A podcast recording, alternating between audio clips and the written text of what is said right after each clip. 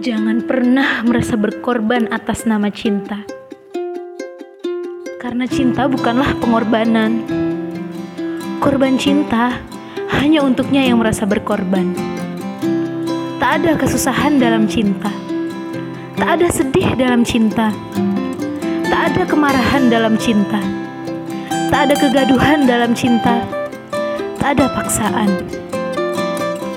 Karena cinta itu senang senang melakukannya, senang menerima apa pun, senang menjadi apa pun. Demikian Tuhan menciptakan cinta, agar mengingatkan akan rasa syukur dalam hidup, agar senang dengan yang sedang dilakukan, apa pun hasil dan risikonya.